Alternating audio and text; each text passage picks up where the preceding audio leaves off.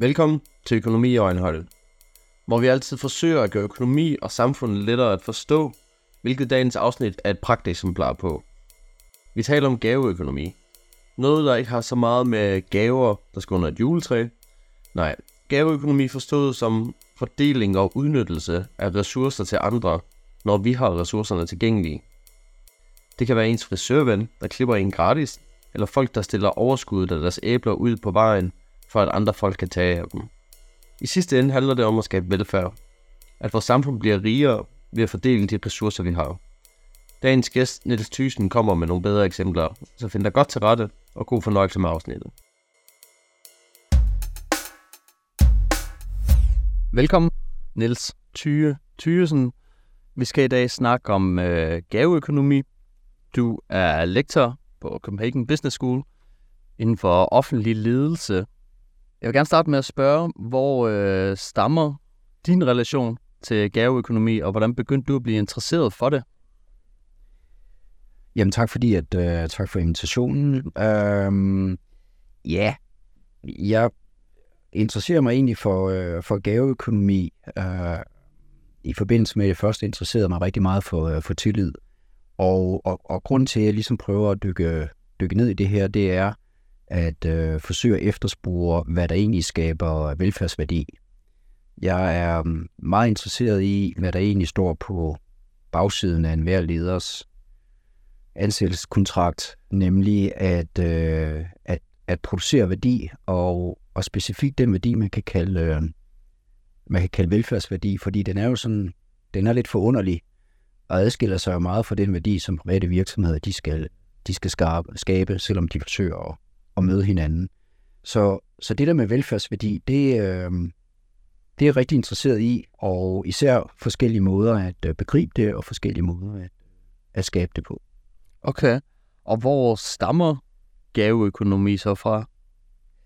Ja, altså jeg, det der med gaveøkonomi, det, øh, det var en, det, det er en mekanisme, som, som jeg begynder at interessere, jeg begyndte at interessere mig for, for ligesom at, at forstå en, en nutidig bevægelse, og jeg skal nok komme selvfølgelig ind lige på de spørgsmål her, ikke? men fordi at der er rigtig meget værdi, der bliver skabt igennem deleøkonomi, kollaborativ økonomi, øh, samskabelse, øh, partnering på tværs. Og, øh, og i forbindelse med at begribe den mekanisme, så, øh, så endte jeg i, i gaveøkonomien. Så for at svare på dit, øh, dit spørgsmål, så stammer gaveøkonomien for den gang, at man ikke havde penge. Øh, så, øh, så, så der måtte man jo naturligvis have en anden form for, øh, for økonomien, pengeøkonomien. Og jeg kan komme tilbage til, hvordan at, at gaveøkonomien er meget mere et spørgsmål om at udveksle ressourcer, end at øh, købe øh, en guldrød for en 10 kroner, og det så bare bytter plads, altså en økonomisk transaktion. Så det stammer altså fra, øh, fra de gamle antropologer, hvor der var en, der hed øh, Malinowski, som dragede til Tropiandreøerne. Og dengang der var verden, det var jo magisk. Man vidste jo ikke rigtig, hvad der var derude. Og han lavede nogle øh, studier, og øh, han blev slået af forundring over, at der var flere forskellige stammer, som bevægede sig ud i kanoerne og øh, sejlede flere hundrede kilometer for at øh, mødes nogle forskellige steder og udveksle gaver. Og han kunne simpelthen ikke til at begynde med at forstå, hvorfor sætter de livet på spil for at bytte et armbånd med et øh, halsbånd. Og han fandt sig ud af, at, øh, at gavegivningen den blev, øh, den blev brugt øh, økonomisk set i forhold til at skabe værdi.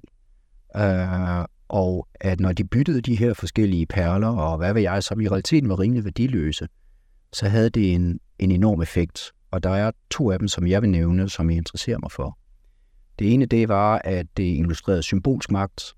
Øh, så i det øjeblik, at man kan give meget, så stod andre i gæld til en. Og på den måde kunne man erhverve sig øh, magt, når der var sådan, man var i de her udvekslingsforhold. Den anden var, at i det øjeblik, at man udvekslede gaver, så manifesterede man en, øh, en særlig pagt, hvor man øh, hjalp hinanden, øh, hvor man øh, for eksempel garanterede, at, at hvis man som stamme blev angrebet af andre, så, øh, så var de andre stammer der til at hjælpe en. Så øh, det der med at bidrage ind i fællesskabet betyder, at man kunne trække på hele fællesskabet den anden vej. Og det er det jo en særlig form for økonomi i, så frem for at man ligesom skulle forsvare sin egen lille ø, så var man et, øh, en større forsamling, som skabte sikkerhed. Og sikkerhed er, det er jo en velfærdsværdi i dag. Og det vi ser, når det er sådan, at den samme mekanisme, det er for eksempel inden for NATO, at angreb på øh, et land er et angreb på hele NATO, og det er faktisk den samme mekanisme, der, man, man, man, øh, som, som der træder i kraft, som, som det, som Malinowski også kaldte for coolering. Senere hen var der en, øh, en antropolog, der hedder Marcel Morse, som i 25 kiggede lidt tilbage på de her studier og introducerede begrebet gaveøkonomi. Fordi gavegivning, det var der faktisk en særlig form for økonomi og værdi i. Og vi ser akkurat det samme foregå i dag, men selvfølgelig under lidt andre omstændigheder, end, end at vi padler rundt i en, i en kano flere hundrede kilometer. Ja, hvis jeg lige må opsamle to pointer der, øh, som jeg så synes er meget interessant ved det, altså det her med gaveøkonomi, at det så bliver det her spørgsmål om øh, ressourcer, og ressourcer kan jo komme til udtryk på mange ting, men netop det her med velfærd, hvad er velfærden? Det er jo også, at man trækker på en ressource, som andre har. For eksempel et sygehus. Der er nogen, der har noget tilgængeligt for en person der, som man kan komme, okay, nu får jeg noget velfærd her. Det er jo på en måde også en gave. Øh, uden at vi så måske lige snakker om, at man betaler skatter og andet, men, men der er noget velfærd der. Og så også det her med, okay, jamen gaven, den bliver den her fysiske symbol, som vi jo sikkert også ser i dag, når man besøger hinanden på tværs af landet, så skal man lige have en gave. Og hvorfor skal man egentlig det? Det er jo netop bare for at symbolisere noget, fordi vi kan jo godt sige, at vi stoler på hinanden, men en gave øh, gør det også ja, fysisk håndgribeligt, at, at der er en relation.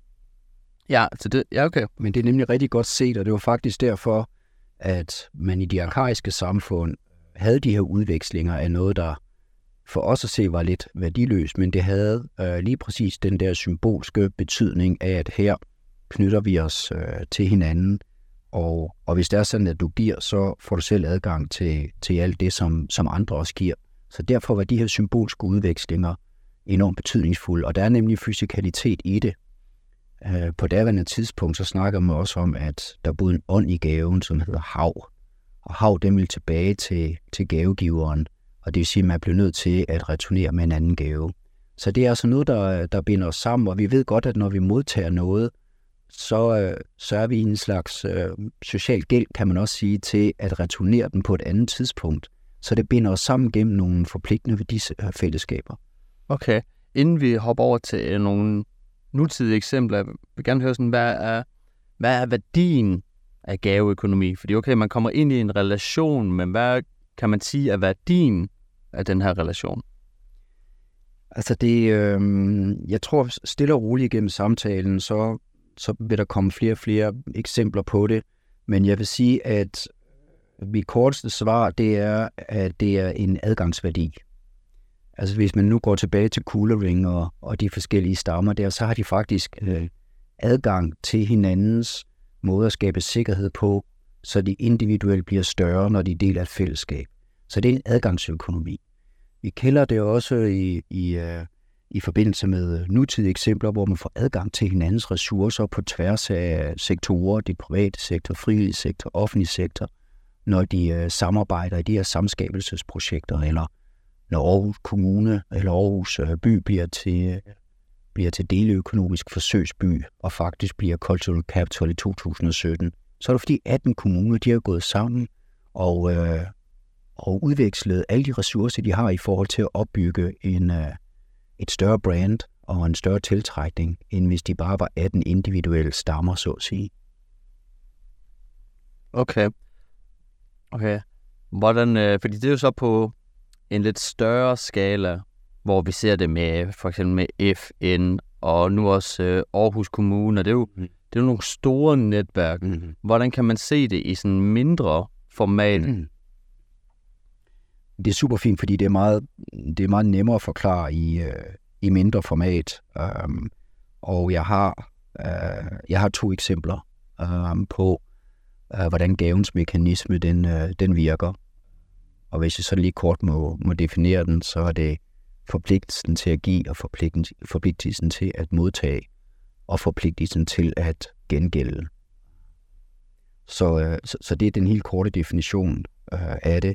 Det skaber både værdi og forpligtelse. Så i Randers Kommune for eksempel, så øh, er der et øh, nu, øh, flere ældrecentre, jeg tror det var 4 eller 5 cirka, som øh, slog en, øh, en, en overskrift, eller hvad kan man sige, en invitation ud i, øh, i, i, i lokalsprøjten og andre steder øh, i omkring Randers.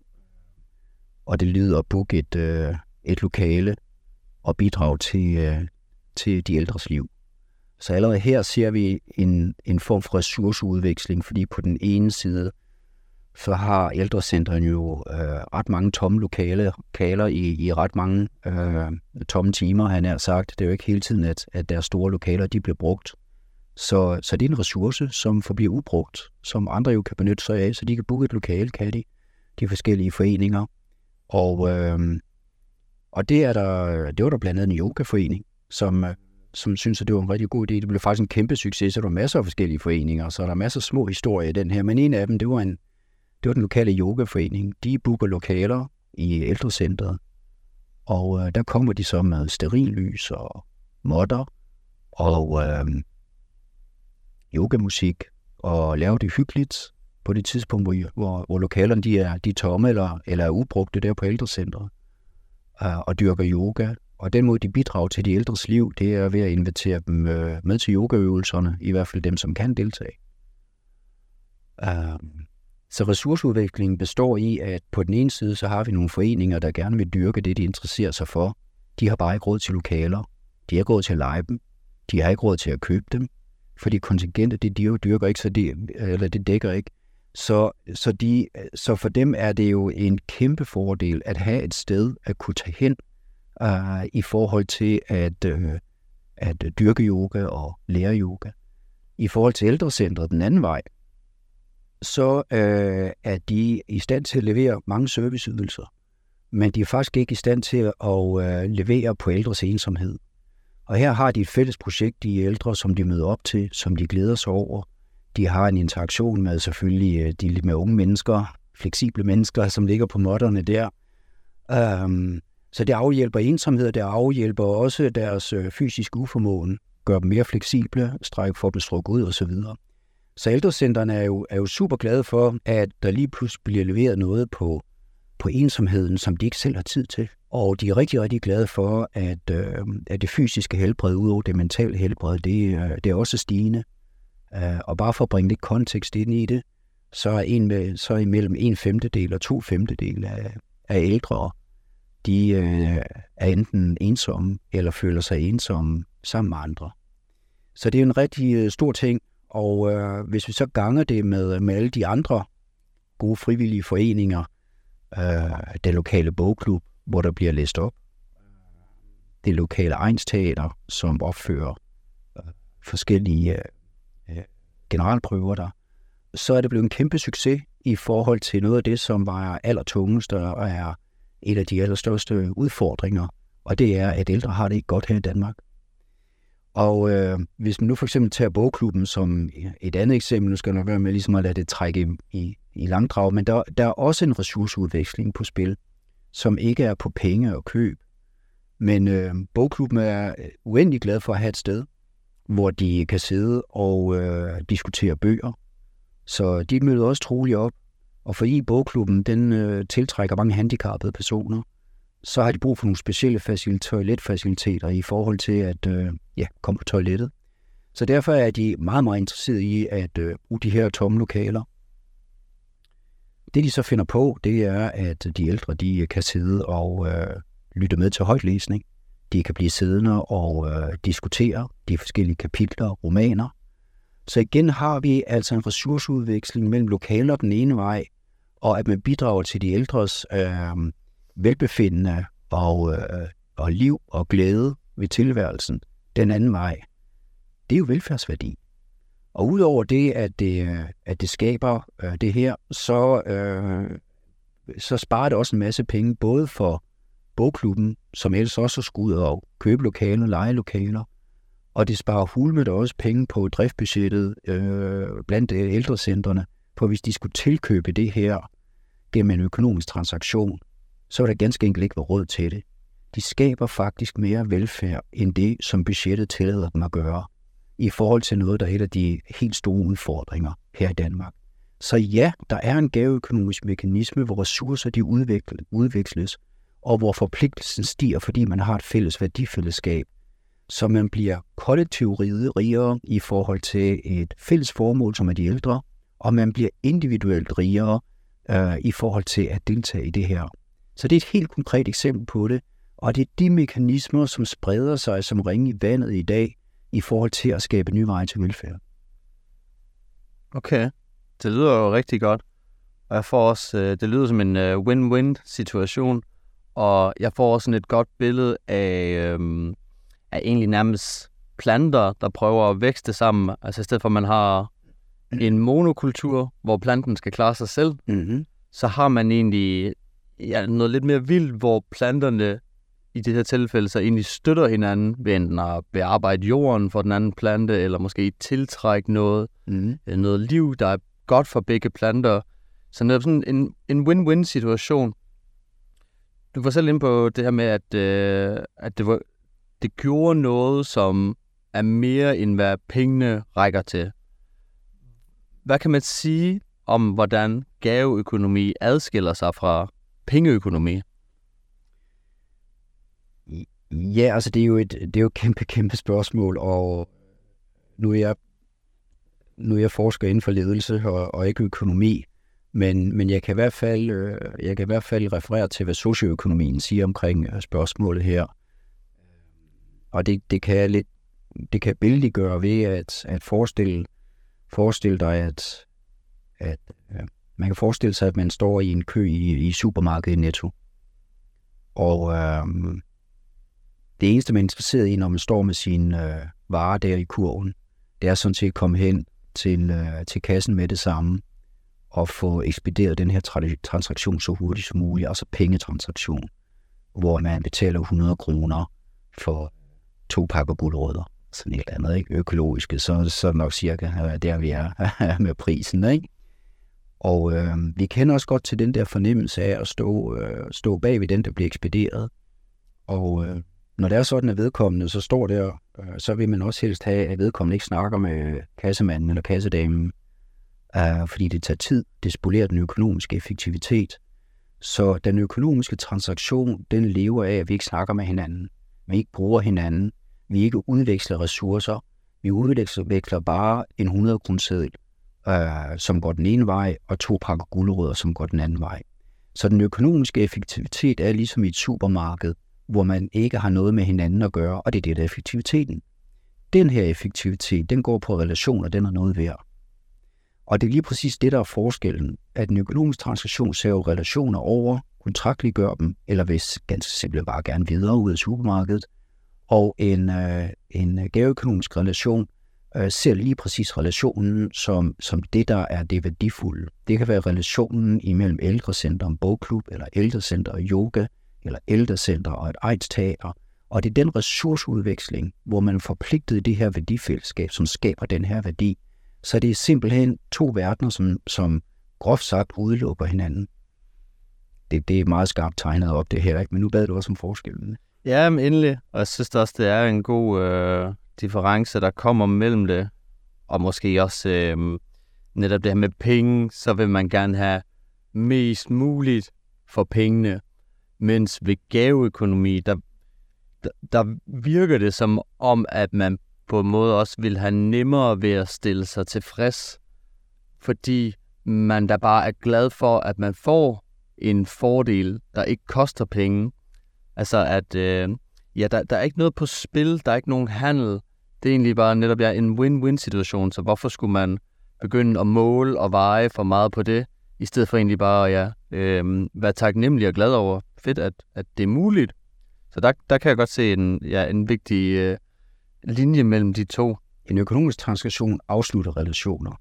Gaveøkonomiske udvekslinger opbygger relationer. Så det er altså det er to forskellige verdener, selvom man jo i virkelighedens verden, han har sagt, øh, godt kunne forestille sig, at der skal penge til for at opbygge den platform, hvor gaver de bliver udvekslet. Men det er en lidt anden snak, hvor, hvor, hvor tingene jo griber ind i hinanden. Jamen, hvis, hvis vi lige kort kan komme ind på det, altså er der sådan en, en modstrid som mellem pengeøkonomi og gaveøkonomi, eller er det, er det også to verdener, der sådan kan samarbejde? Altså i, i mit ledelsesunivers er det to verdener, som, som skal samarbejde.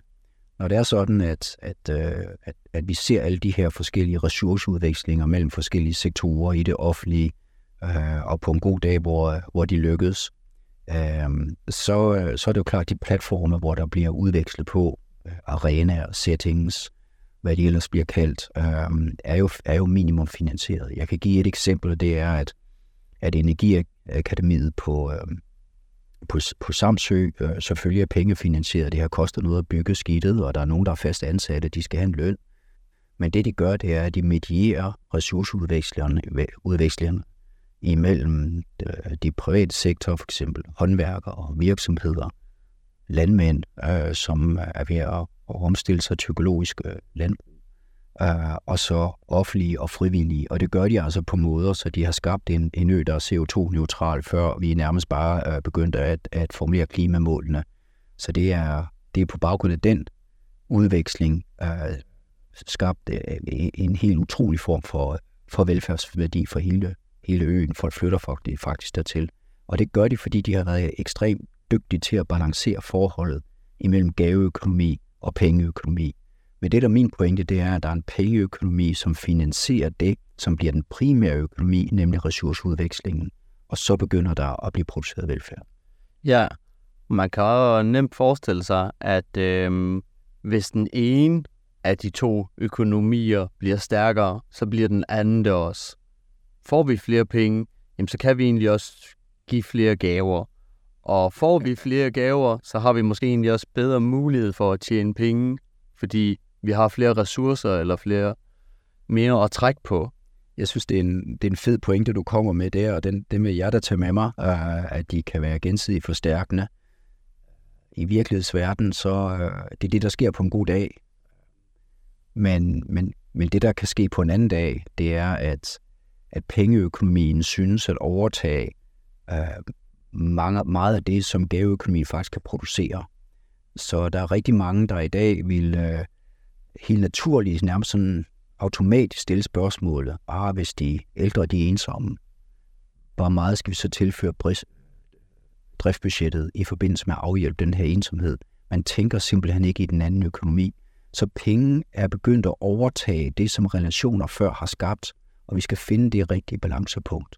Så, så, så min kritik vil også være, at pengeøkonomien i dag er blevet så ekstremt dominerende, at man nærmest ikke kan tænke velfærd uden penge, og det synes jeg er en fejl. Man er nødt til at tænke velfærd i forhold til ressourceudvekslinger, som i sidste ende er en gaveøkonomisk øh, økonomi. Ja, og det får mig til at tænke på, at øh, måden jeg sådan lidt ser hele pengesystemet, og sådan også lidt det kapitalistiske system, fordi man snakker jo gerne om, at folk øh, arbejder for penge, men man skal jo huske på, at i sidste ende, så er det jo folk, der yder servicen eller handlingen, og så kan man sige, at pengene er mediumet til måske at motivere, eller hvad vi skal sige, men i bund og grund, så er det jo folk, der udfører opgaver eller andet, der, ja, der netop kan løfte velfærd, eller kan mm. producere, så netop, øh, det vil vel ikke være helt forkert at sige, at, at penge, pengeøkonomien er mere afhængig af gaveøkonomien end omvendt. Altså at gaveøkonomi, det er egentlig ikke så afhængig af pengeøkonomi. Eller i hvert fald af ressourcer. Kan man tillade sig at sige det? Ja, det, det, kan man, men det, det kan man godt, men jeg tror, i forhold til den offentlige velfærdsproduktion, bliver man nødt til at samtænke de to. Ja. Øh, og, og, og, og det jeg gør, når det er sådan, jeg i særdeleshed øh, beskæftiger mig med, med gaveøkonomien, det er, at jeg, jeg laver et analytisk snik, snit, og så, øh, og så går jeg ned i dybden med det. Det er det, vi gør som forskere man kan sige, som, som analogi til det, så var der engang i 80'erne en, en ledelsesteoretiker, der hed Edgar Schein. Han var blevet meget berømt for at skrive om kultur i organisationer. Og han gik jo dybt ned i det der hul, og han blev øh, utrolig populær på det. Men han vidste jo godt, at der også findes struktur i organisationer. Men han laver et snit, og så går han ned, og så folder han det ud. øh, og det er også det, jeg forsøger at gøre. I forhold til den der med at, at balancere det, kan man sige, ikke, som, som jo nok er en lidt mere praktisk øh, tilgang til det, øh, så, øh, så er der jo nogen, der, har, der også har, har set på den her, altså jagttaget øh, samfund og velfærd ud fra den her dikotomi imellem en pengeøkonomi og så en mere socialorienteret økonomi, som, som er den gaveøkonomiske. Og jeg vil nævne en, fordi det, de, øh, det er nogle politologer, øh, og de øh, er kommet med nogle ret opsigtsvækkende resultater i sin tid, da de skrev i sidst i 90'erne og begyndelsen af 0'erne. For eksempel er der, øh, er der en fyr, der hedder Francis Fukuyama, som, øh, som efter at have brugt mange år på at, at undersøge de her øh, forskellige samfund og, og komparativt, det er Danmark, Japan, Tyskland osv., at, øh, at 40 procent af et lands vækst, ikke kan forklares pengeøkonomisk. Resten, det bruger altså på sociale relationer, det er 60 procent. Og hvis det er sådan, at vi ikke tænker på det sidste og kun på det første, så får vi et fattigt samfund, og vi får en fattig offentlig sektor. Så vi bliver simpelthen nødt til at se, at der er en anden økonomi på spil, som producerer velfærd. Okay. Okay. Vi har været inde på det flere gange, synes jeg, men jeg vil gerne, jeg vil gerne prøve at sætte to streger under det. Altså, hvad har gaveøkonomi med velfærd at gøre? Ja, altså, det er jo, det er jo en rigtig, rigtig stort spørgsmål, øh, i den forstand, at, at det har altid været meget omdiskuteret, hvad velfærd det er for noget. Så derfor har jeg også lagt mig fast på en definition, så jeg skal nok give et svar. Men ja, det er sgu også, øh, det er, øh, hvad kan man sige, det er et meget reduktivt svar. Øh, fordi hvis, hvis man for eksempel tager de forskellige velfærdsparadigmer, som har gennemstrømmet strømmet den, øh, den offentlige sektor, det kan være public administration, det er sådan meget den administrative noget, eller hvad er det, øh, paradigme, øh, som går meget på fordeling og regler. Så var der New Public Governance, New Public Management, mener jeg, som, som var meget orienteret imod, at, at nu skulle der altså være, nu skulle den, nu skulle den offentlige institution være ligesom en privat virksomhed. Og så er der New Public Governance, som, som åbner op for relationer skaber fordi så er der jo alle mulige paradigmer i spil, og der er også en samtidighed af paradigmer i spil, så det er en svensk pølseret i øjeblikket. Men hvis jeg ligesom skulle svare mere sådan specifikt på spørgsmålet og en definition, som jeg udgår fra, som passer til det der med, at relationer, at der er værdi i relationer, og vi skal forstå relationer som, som gaveøkonomi, så er det, at velfærd betyder færdes Og øh, ikke bare færdes på cykelstien, men øh, at færdes i livet, fra man bliver barn og så hen over øh, det at produktiv øh, voksen, øh, og senere hen øh, en, øh, en ældre, der skal, øh, der skal hjælpes i tilværelsen. Så færdes vel er, handler om, om, om ens livsforløb, eller livsbue, som man også kan kalde det. Og samfund, det betyder øh, jo at finde sammen, ganske enkelt. Så jeg laver det bare til verber. Så et velfærdssamfund betyder sammen finde, om det er færdes vel. Og hvis vi skal sammen finde, om det er færdes vel, så skal, så skal vi anerkende, at relationer, det skaber værdi, og at hele vores samfundskonstruktion og måde at tænke velfærd på, faktisk er opfundet øh, af, af blandt, hvad kan man sige, i hvert fald dybt inspireret af Rousseau, som, øh, som jo skrev den sociale kontrakt. Og han var ikke økonom, og han var ikke fixeret på penge. Han var fixeret på velfærdsværdi. Og lige præcis i bruderskabets ånd, at finde sammen om det at færdes vel. Så for mig ser jeg, det, øh, er det grundklodsen i vores velfærdssamfund. Jeg tror bare, vi har glemt det så rigeligt i forhold til at kunne være fokuseret på driftbudgetterne, og ikke som i Randers Kommune være fokuseret på, at der er relationer, som skaber værdi. Ja, ja. Det minder mig om min samtale med Dennis Christensen, den tidligere formand for FOA, hvor vi snakkede om velfærd. Øh, og en af de ting, jeg tog med derfra, det var nemlig også det her med, at velfærd, det er noget, der følger en fra vugge til grav. Øh, I hvert fald i Danmark, hvor, hvor netop altså, man, man har så nem adgang til det, og der er så mange steder, man kan gå hen i alle mulige former, så, så det følger virkelig en hele livet. Ja, så der er jo noget ved øh, velfærd, og netop også når man snakker sådan om, øh, for eksempel når man snakker om BNP, altså det er jo godt, at vi bliver rigere som samfund, men der er jo også en vinkel, der hedder, hvad bliver vi rigere på? Og for eksempel gaveøkonomi kan jo være et eksempel på, at for eksempel BNP ikke behøves at stige, før at vi egentlig får mere velfærd og får mere rigdom i samfundet. Øh, ja, det synes jeg er et meget godt billede af det. det. Jeg synes, det er super godt set. Øh, der er en, øh, der er en politolog, amerikansk politolog, der hedder Rob Putnam, som begyndte at, øh, at, at se på samfundet lige præcis med de briller, det amerikanske samfund. Og øh, han øh, godt gjorde øh, ved hjælp af mange tal og statistikker, øh, at, øh, at, at det kan da godt ske, at det amerikanske samfund blev rigere og rigere af at de private virksomheder kom til at tjene flere og flere penge. Men samfundet som sådan led mere og mere frygteligt under tab af social kapital, hvor man sådan set kun var mere eller mindre i konkurrence med hinanden, eller ikke øh, brugte eller benyttede øh, sig af hinanden. Man havde ikke nogen, nogen værdifællesskaber. Og, øh, og, og det er en ret rørende bog, øh, og den er samtidig også utrolig, den er meget videnskabeligt funderet, og det hedder Bowling Alone. Før bowlede man sammen, øh, nu gør man det alene.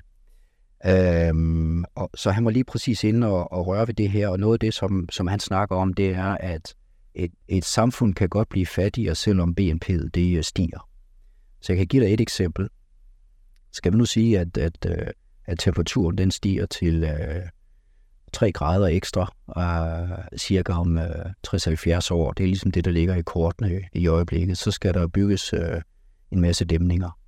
Og når der skal bygges dæmninger, så er der en masse private virksomheder, som, uh, som får en masse ordre, blandt andet fra det offentlige, men også i det hele taget. Der kommer til at ske en, en kæmpe innovation i forhold til at, uh, at regnsikre byer og, uh, og bygge dyre dæmninger osv. Det øger BNP'et, fordi antallet af øh, finansielle transaktioner det stiger. Men det er fandme ikke øh, specielt godt, hvis det er så nærmere at blive oversvømmet. Nej, ja, simpelt, men uh, ja, effektivt eksempel på det. Er der andre sådan teoretikere og filosofer? Altså nu har vi lige fået øh, en, været inde på masse forskellige navne, der sådan alle sammen bidrager til at forstå det her med gaveøkonomien. Er der andre, du gerne sådan lige vil pege ud, som du synes øh, giver gode nuancer af gaveøkonomi? Jamen, der er, der er masser, jeg vil, jeg vil pege på, på to vidt forskellige, øh, og de har næsten ikke noget med hinanden at gøre, men det synes jeg lidt, de burde. Det ene, det er, at, at der findes en, en ledelsestradition, public value management, hvor de, hvor de ikke snakker management, men de snakker public value management. Og den er inspireret af, fordi de rent faktisk tager udgangspunkt i, at øh, hvad er det for en værdi ledere, de skal skabe, så de gør ledelse sekundært og ikke primært. Øh, I dag der snakker vi meget om den ene og den anden tredje ledelsesstil, og det virker lidt som, som om, at formålet med ledelse, det er ledelse, og det er det ikke. Formålet med ledelse er at skabe public value. Og det er det, de beskæftiger sig med, og de arbejder som, øh, som sindssyge i forhold til at at, at se og øjne nogle af de her muligheder, som, som jeg her snakker om. Uh, så, så på den måde synes jeg, det er en, en sympatisk forskningstradition, uh, men også en, som stadigvæk mangler meget. Det andet er, at, øh, at, at en ting er, at, at Niels fra CBS bliver inviteret ind og så snakker om det her. Uh, der er andre kapaciteter, som, uh, som har peget på det her, blandt andet en, uh, en kvinde, der hedder Elena Orstrøm, som fik Nobelprisen i 2009 i økonomi. Så det er jo en lidt anden kapacitet end, uh, end, end mig, du, du har her i studiet. Uh, hun peger på nøjagtigt det samme. Hun studerede ecosystems, hun studerede uh, uh, communities, og hun godtgjorde den uh, værdiproduktion, som ligger i det. Og uh, bare for ligesom at fortælle om en af de ting, som, uh, som udløste Nobelprisen, det er, at sociale værdier, det, uh, det bliver tit og ofte eksternaliseret i, uh, i sådan en hardcore økonomisk betragtning, uh, ligesom eksemplet med supermarkedet. Uh, men det hun gjorde, det var, at hun internaliserede faktisk sociale værdier som forpligtelse i forbindelse med at producere, hvad, i forbindelse med at forklare, hvad producerer værdi. Det må du gerne lige uddybe. Altså øhm, forskellen på det her med at eksternalisere og internalisere i den her sammenhæng. Ja. Uh, skal vi nu sige, at, at en økonomisk transaktion, den, den lever hurtigst og bedst af, at man ikke snakker sammen og bruger en masse tid på det, ligesom i supermarkedet. Så det, der hedder venskab, det, der hedder respekt, det, der hedder, uh, at, at man i det offentlige er forpligtet på uh, hinanden, det kan økonomien sådan set ikke rigtig bruge til, til specielt meget, og, og nu, er jeg, nu skal jeg rimelig meget ind til benet af, af en gammel 70'er Chicago-skole, ikke? Så, så de er ikke så frygtelig meget for, at der er alle mulige sociale værdier, som forstyrrer den her meget rene økonomiske øh, maskine, som skaber et ekvilibrium. Så, øh, så det bliver set på som øh, transaktionstid, som spildtid. Æh, det, som Ellen Nordstrøm gør, hun sagde, nej, sådan fungerer det desværre ikke. Tillid for eksempel øh, er noget af det, der skal til i forhold til at skabe værdi, når det er sådan, at man udveksler ressourcer, øh, for eksempel på ældrecentrene i, øh, i Randers. Så tillid er den værdi, der gør, at man ikke skal oprette, bruge en masse penge på økonomiske transaktioner eller på økonomiske kontrakter, øh, på overvågning, på kontrol osv. Og det er jo en social værdi. Så det bliver internaliseret i en anden form for økonomi, der skaber en anden form for værdi. Og sjovt nok i Danmark, så er vi det mest tillidsfulde folkefærd målt op imod andre lande, så vi har en guldgruppe, vi kan trække på her, fordi vi faktisk stoler på hinanden. Okay. Okay.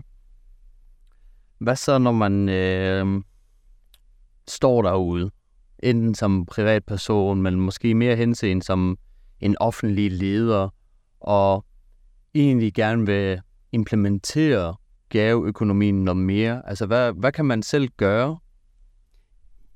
Nu, nu svarer jeg lidt frækt på spørgsmålet, men nu er, det, nu er det måske også et af de sidste spørgsmål, vi er inde på her. Ikke? Man kan gøre en af to ting.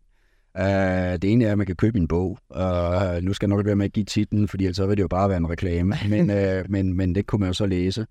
Uh, men for sådan at svare lidt mere konstruktivt på, på spørgsmålet, så, uh, så man kan i hvert fald starte med en tanketest. Og det er ikke så frygtelig svært. Den kan man tage over kaffen med en medleder, og, og, og den indeholder tre spørgsmål, øh, sådan cirka. Det ene det er, at... øh, eller det første det er, hvad er det for eksempel for en velfærd, som jeg skal levere. Øh, og det kan være, at man er plejehjemsleder og gerne vil levere på ensomhed. Fint nok, det var spørgsmål 1. Det næste spørgsmål, det er, øh, hvem kan bidrage med hvilke ressourcer?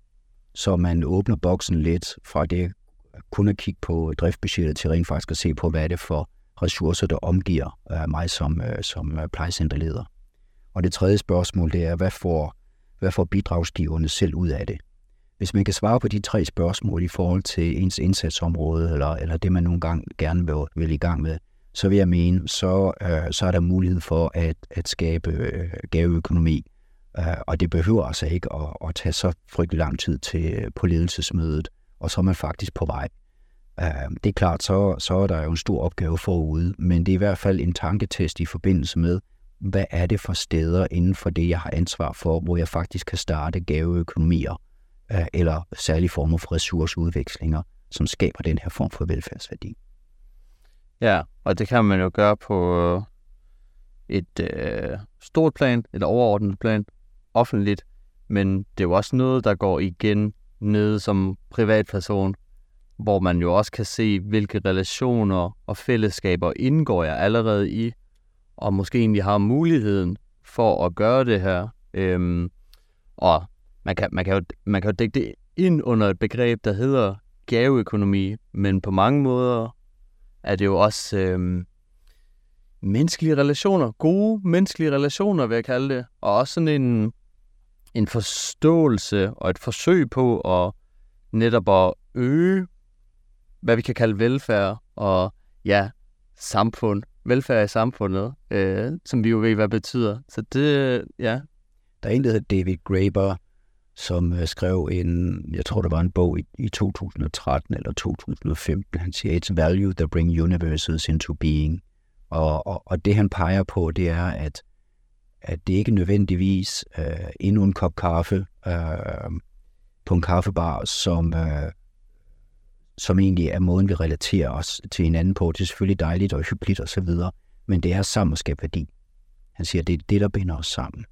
Og, jeg, og, og, og, og jeg tror, at, at du har lige præcis fat i noget af det rigtige, det er, at i venskaber, hvor man udretter noget sammen, og det kan være det at lægge øre til en anden, som er ked af det, og, og omvendt øh, året efter, det kan også være noget mere praktisk. Det er faktisk det, der knytter os til hinanden. Øh, så det går hele vejen fra tætte venskabelige bånd, det man også i mit univers kalder bonding, til, uh, hvad kan man sige, til at der er aktører på tværs af sektorer, som måske ikke lige kender hinanden, og det er det, vi øh, inden for mit område kalder bridging, det vil sige, hvor det er en lidt større risiko, man løber i forbindelse med at invitere andre ind. Men, men, men, men det er noget, som, som, øh, hvad kan man sige, som, som ikke er nyt, men som vi jo er indspundet i allerede i vores netværk, i vores kollegiale relationer. øh, blandt vores venner, i vores familie. Um, så det er, øh, jeg, jeg synes, det er meget, det er meget rigtigt set, at det er også, det er også en, en det er, det er også på niveauet for, for nære venskaber, at, at det her, det, det er, og nu ved jeg ikke, om vi nå at komme ind på det, men, men der er lidt meget romantik, der selvfølgelig også øh, øh, er, er, er med i den her fortælling og det her interview, men det kan sørge mig også have nogle, øh, nogle bagsider, nogle mørke sider. Øh, det her, det er, det er jo bare en udveksling. Ja, jeg vil gerne øh, give en lille forlængelse af, af, af, af det, du sagde øh, før de mørke sider her. Øh, jeg, har, jeg har lige øh, investeret i et kamera for nylig, og så har jeg været sammen med en rigtig god kamera, jeg kendte over i et årti, og han er uddannet i sådan noget med billeder. Øhm, så han har jo kunne vise mig rigtig mange ting, og det synes jeg også er en form for den der gaveøkonomi på privatplan, fordi han har på mange måder givet mig en gave i, hvordan bruger jeg egentlig det her kamera. Så det er egentlig ikke en fysisk ting, han har givet mig, andet end de billeder, jeg så har fået taget, men det er jo også sådan på en måde med, hvad man kan lære, og der synes jeg nemlig det der med, ja, bonding og universe integration, altså der kunne jeg godt se, vi har hygget os med kaffe mange gange, men netop det med at have et fælles projekt, og hvordan øger vi, øhm, ja, lad os kalde det velfærden i det, og netop sådan, igen, en øh, win-win situation, både fordi der kom noget værdifuldt ud af det, men også for det, det gjorde mellem os to. Men jeg synes, ja lige præcis, og det skulle godt set Frederik, fordi lige præcis i, i dit billede her, så, så er det jo hans viden, og viden kan jo, det er jo også en ressource. Ja. Uh, og det han så gør, det er, at, han hjælper dig med, med hans viden i forbindelse med at betjene kameraet. Og, uh, og hvis det er sådan, at du skulle købe det ud i byen, ja, så vil du nemt kunne komme til at lægge 5.000 for en eller anden ekspert eller et kursus. Så igen, det er ikke en økonomisk transaktion, det er en relation. På et andet tidspunkt, så kan det være, at, at din ven han gerne vil lave en podcast. Så kommer han hen til dig, og så siger han, hey Frederik, skal du lige lære mig tre tricks her, ikke? sådan at, at min podcast den bliver god. Du føler dig selvfølgelig forpligtet, fordi I har et værdifællesskab. Så her har vi ressourceudvekslingen og et meget godt billede på det.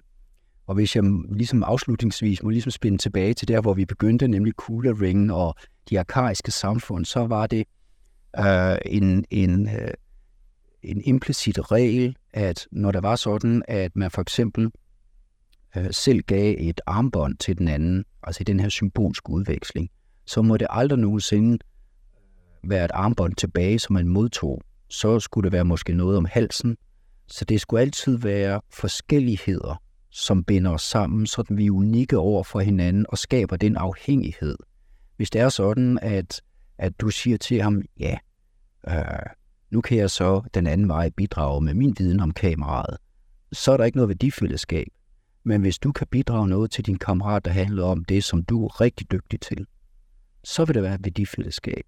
Så det er derfor, at ressourcer også betyder, at man bliver afhængig af hinanden, fordi at man hver især supplerer med det bedste, som man har. Ja, perfekt. Ja, det, øh, ja, gaveøkonomi, det, øh, det kan uden tvivl noget. Niels Thyge Thysen, tusind tak for at være med til at gøre os klogere på det. Tusind tak, fordi jeg måtte komme i studiet. Det var afsnit om gaveøkonomi.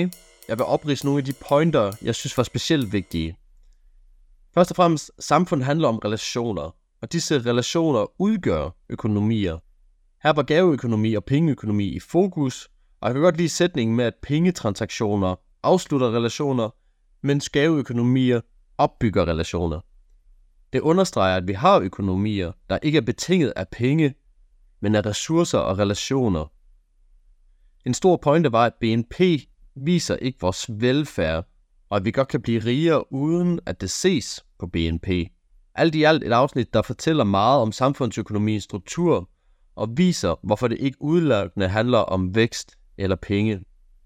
Hvis du vil lytte til noget lignende, så vil jeg anbefale nogle af de tidligere samtaler, jeg har haft. For eksempel samtalen med Emma Holden, hvor vi snakker om feministisk økonomi, der taler ind i det her med det usynlige arbejde, som vi ikke tæller med i økonomien eller i BNP'en, men som alligevel bidrager til, at samfundet bliver rigere.